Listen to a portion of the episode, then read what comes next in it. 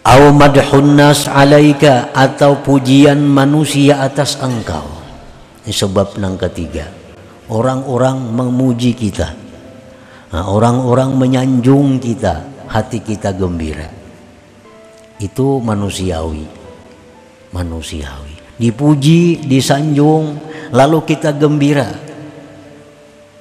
Ini ngarannya kegembiraan disebabkan pujian orang kepada dirinya.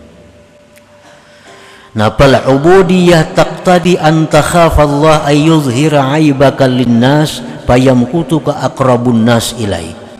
Maka di saat kita gembira karena pujian manusia, di saat itu kehambaan kita menuntut agar kita takut kepada Allah.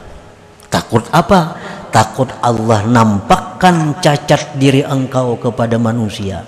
Takut Allah nampakkan aib engkau kepada manusia maka menghina akan engkau, membenci akan engkau orang yang paling dekat kepada engkau. Nah, jadi silahkan gembira dipuji orang, tapi di saat itu ada takut kepada Allah. Kalau-kalau aib kita dibuka Allah di tengah-tengah manusia.